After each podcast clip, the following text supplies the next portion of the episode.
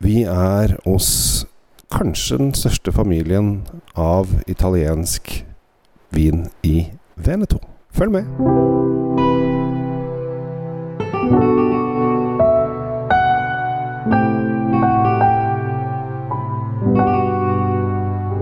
Hei og hjertelig velkommen til eh, Kjells eh, vinkjeller. Nå har jeg akkurat uh, vært igjennom en smaking med Giorgio uh, Scarcella, som er en veldig hyggelig fyr. Han eh, er da eh, Export Manager Europe og har bodd i England i veldig mange år, så det er veldig deilig å kunne eh, være sammen med en fyr som snakker eh, veldig godt engelsk. Nå er det godt, da. Nå er det bare jeg som sitter her for meg selv, for nå har jeg fått lov å smake gjennom vinene til eh, norgesvenn nummer én, vil jeg si, av Veneto-viner. Eh, Tomassi.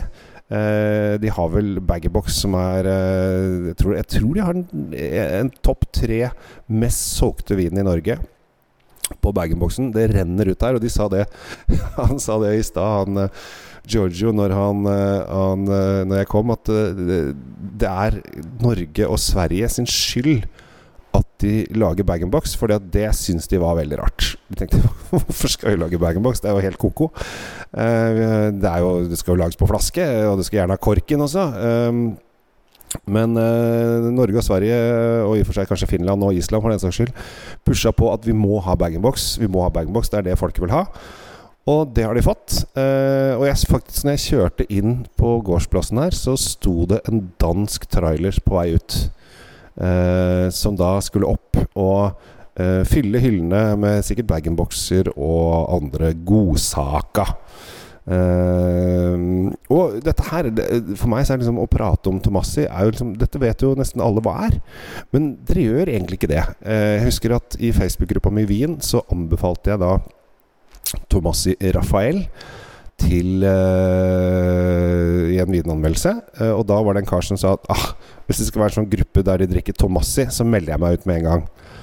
Og så tenkte jeg ja ja, Tomassi lager den tredje mest solgte vinen på polet. Er det det som er, altså, er det blitt for folkelig? Altså, eh, det er jo mange som selger sinnssykt bra. Det er kanskje ikke den mest spennende vinen, den tredje mest solgt på polet, men det er også den enkleste vinen de har. Og det er jo det nordmenn vil ha, for nordmenn kjøper billige viner. Og eh, de bare Ja, denne smaker rødvin. Fint. Stå på. Men det er jo sånn at Tomassi lager jo ikke én vin. De lager mange viner. Eh, og Rafael, som er eh, en vin som jeg tror også mange drikker på polet, er den første vingården som familien kjøpte i 1902. Eh, og den hadde jeg faktisk i middagen på hotellet jeg bor på i går. Den frisk og lett Valpolicella som jeg syns passer veldig bra når det er enkle kjøttretter og pasta og pizza osv. Eh, og så er det gøy. Dette er den første vingården. Eh, og det er en vingård som produserer Det er 3,5 hektar, så det produserer ikke så altfor mye vin. Eh, men det er en kul vin, eh, og den funker. Men de har også selvfølgelig flottere og bedre viner eh, i sortimentet sitt. De har faktisk begynt å kjøpe opp litt vingårder rundt om i Italia også.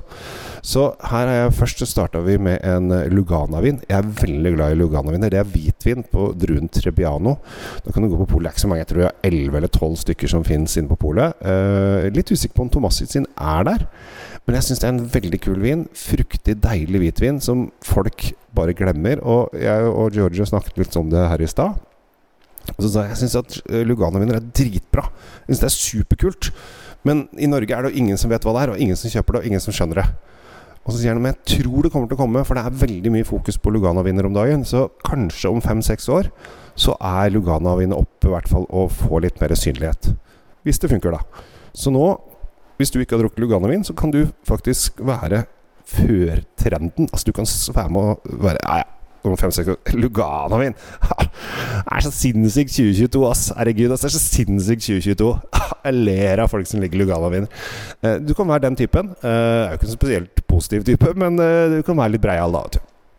Så vi starta med det. Og så har de kjøpt et Brunello-hus som heter Casisano. Eh, som har en Rosso og Brunello Maltacino. De tror jeg faktisk begge er i Norge. Eh, og det er disen saken, men det her, her koster det fort altså Brunelloen tror jeg koster 400 kroner eller noe sånt på polet. Så er, da, da er vi oppe i, i høykvalitetsvin. og han sa det at de var så veldig heldige. De kjøpte gården for 12-13 år siden. Uh, de var så veldig heldige at de hadde fått tak i denne her. Eh, fordi at å kjøpe vingårder i, i Toskana er ikke lett. Uh, altså, det er ikke umulig. Men å kjøpe de gode vingårdene, det er, det er langt mellom slaga, for å si det sånn. Og så måtte vi gjennom den tradisjonelle ripassoen, den som alle drikker til jul. Den blå. Den er en decent ripasso. Og så var vi inne på Amorone først, den vanlige Amoronen. Eh, fra 2018, tror jeg det står på portalen. Litt langt unna. Jeg har begynt å få litt dårlig syn. Og så har de da også Claflorian, som er 2013-årgangen. Reserva. Og eh, da begynner vi å snakke om alder. Eh, og når du får Reserva Amorone da snakker vi. Og vi, vi snakker litt om det også med vår venn uh, Giorgio her. At det er litt morsomt, fordi at han lurer jo fælt på hva er det som har skjedd med Skandinavia som gjør at vi er så glad i Amorone. Uh, og jeg vet ikke om jeg har noe svar på det, men vi er jo fryktelig glad i Amarone. Vi er faktisk det området i verden som drikker mest Amarone eh, utenfor Veneto.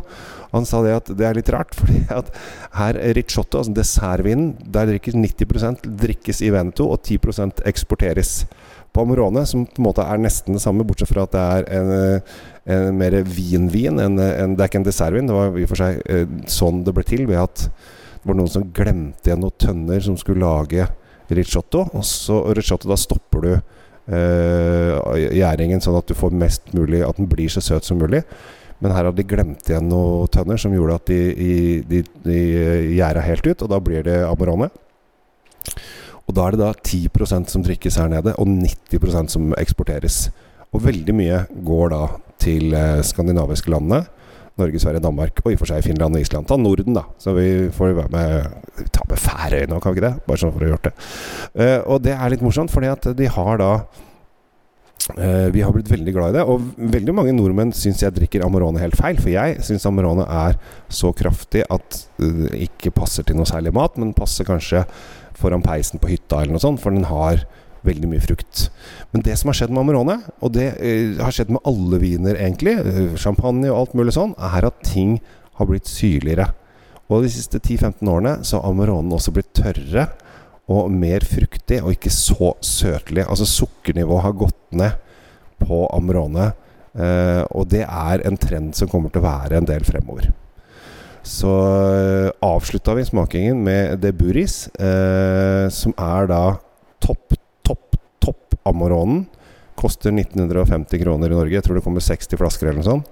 Eh, den, det, altså, det var Det var sånn fløyelsmykt i munnen. Eh, de har da ligget fem år på fat og, el, nei, og seks år på flaske. Altså elleve år.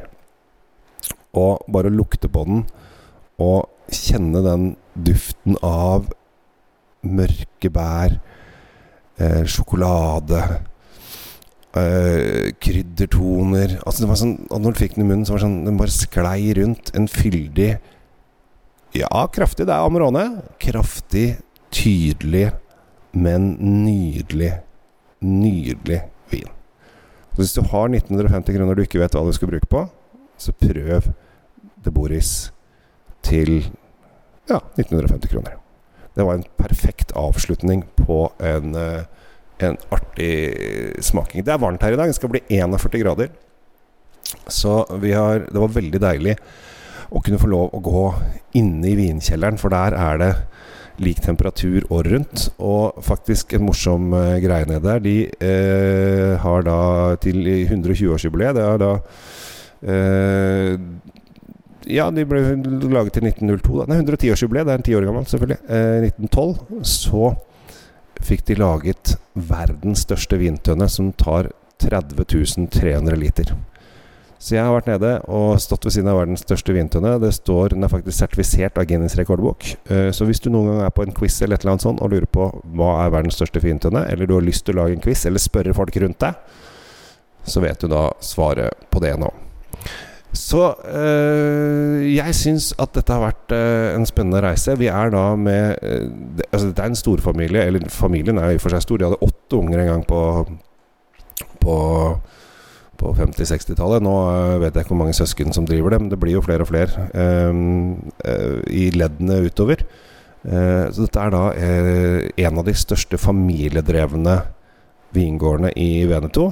Eh, som produserer i Veneto ca. 2 millioner liter. Veldig mye av det går selvfølgelig i bag-in-boksen, som vi glugger ned på. Men ta dere litt tid til å sjekke ut kanskje litt mer finere vinene. Eh, fordi bag-in-box er ofte bag-in-box, funker fint på hytta og og på fest og så videre, eller ha på, på hvor enn du har lyst til å drikke bag-in-box. Og den, den, er helt decent grei. Uh, jeg drikker veldig litt bag-in-box, egentlig. Ikke det at det er noe gærent med bag-in-box, men jeg ser liksom ikke helt når jeg skal drikke fire flasker av samme vin etter hverandre. Uh, fordi at jeg har så mange viner jeg har lyst til å smake på. Men prøv uh, de forskjellige vinene til Tomassi uh, gå litt opp i, i, kvalitet. De har jo flere på polet. Uh, og ikke minst prøv Cassisano, Rosso og Brunello. Da tror jeg du kommer til å få deg en uh, positiv opplevelse. Så fra ferie Nå er jeg da på familieferie. Nå skal vi eh, møte fire andre familier om, eh, i morgen. Så da er på en måte skal jeg prøve å legge fra meg Kjell snakker om vin-podkast-livet. Eh, og være litt familiefar. Må prøve å være det av og til også. Så eh, det kommer ikke til å bli altfor mange mm, podkaster fra ferien. Eh, hvis jeg ikke får lov å stikke av litt når jeg føler at det er nok. Uh, og det har jeg veldig lyst til å gjøre ganske mange ganger. Håper ikke at fruen hører på denne podkasten her akkurat nå, for da har jeg tråkka litt i baret. Uh, men vi skal nå se om vi får lagd noen flere, i hvert fall, fra VN2 her det er grusomt varmt. Og så håper jeg, hvis du er i Veneto om sommeren, dra inn til Verona by og dra i operaen. De har opera i Amfiteatret, operafestival hele juli og litt ut i august tror jeg. Der de setter opp operaforestillinger hele tiden. Jeg har vært der en gang før. Jeg håper at vi får en tur nå også. Sist gang så hadde de hester på scenen. Så svært er det. Uh, og det var uh, helt fantastisk. Da så jeg Nabucco. Eh, jeg tror kanskje det står mellom Carmen eller Aida for de dagene vi skal være her nede nå. Eh, og da skal man alltid eh, gå og spise på Bottega del Vino, som er en restaurant som har 4200 forskjellige viner på vinkartet sitt. Og 25 000 viner i kjelleren under restauranten. og hvis du har lyst, så kan du faktisk booke et bord nedi vinkjelleren. Du kan sitte der nede og spise med vinflaskene rundt, eh, rundt der. Så det er en opplevelse.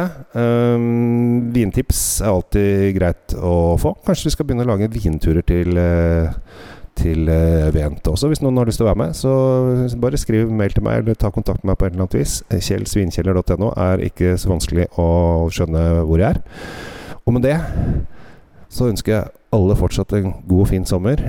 Jeg kjenner at nå må jeg snart ligge i et basseng fordi at min kropp og 7, 38, 39, 40 grader samsvarer ikke alltid. Men bra blir det. Takk for at du lytter. Takk for at jeg får lov å gjøre det jeg driver på med. Og så ønsker jeg deg en riktig, riktig god sommer. Og så håper jeg vi ses over et glass vin en gang i fremtiden. Ha det bra!